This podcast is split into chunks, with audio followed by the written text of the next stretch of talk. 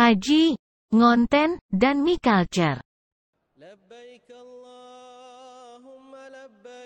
Mulai dari maraknya jemaah haji yang selfie saat tawaf dan sa'i hingga tiktoker yang berjoget di tanah suci, saya semakin sadar betapa haji sama sekali tidak mudah.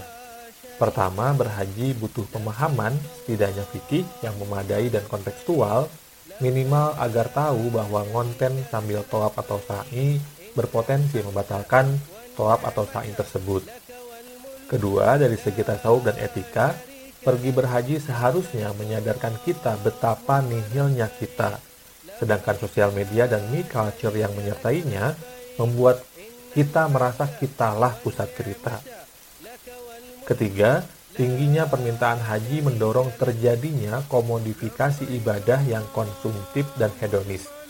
Terkait hal tersebut, Zahanjib Qurashi di tahun 2017 melakukan riset yang menunjukkan betapa berhaji jadi terasa sebagai pengalaman turisme yang mewah ketimbang pengalaman spiritual yang selaras dengan nilai-nilai haji. Mungkin kita butuh belajar untuk khusyuk, untuk hadir sepenuhnya, karena tidak semua orang berkesempatan bertamu ke rumahnya dan tidak semua hal harus dibikin menjadi konten.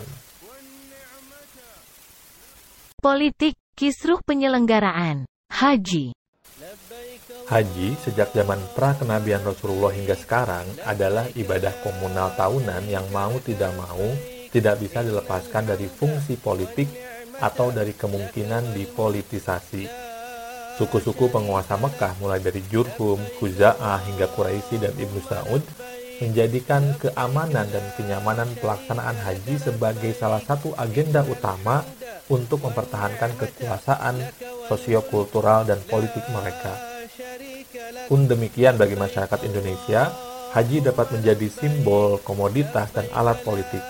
Praktiknya macam-macam, mulai dari memasang gelar haji saat kampanye, pergi berhaji atau umroh menjelang ketika atau sesudah kampanye, hingga menggoreng dinamika penyelenggaraan haji di lapangan untuk menggiring isu-isu politik.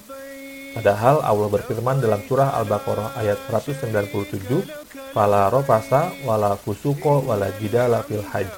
Janganlah berbuat kerusakan, fasik, dan berdebat di dalam mengerjakan haji.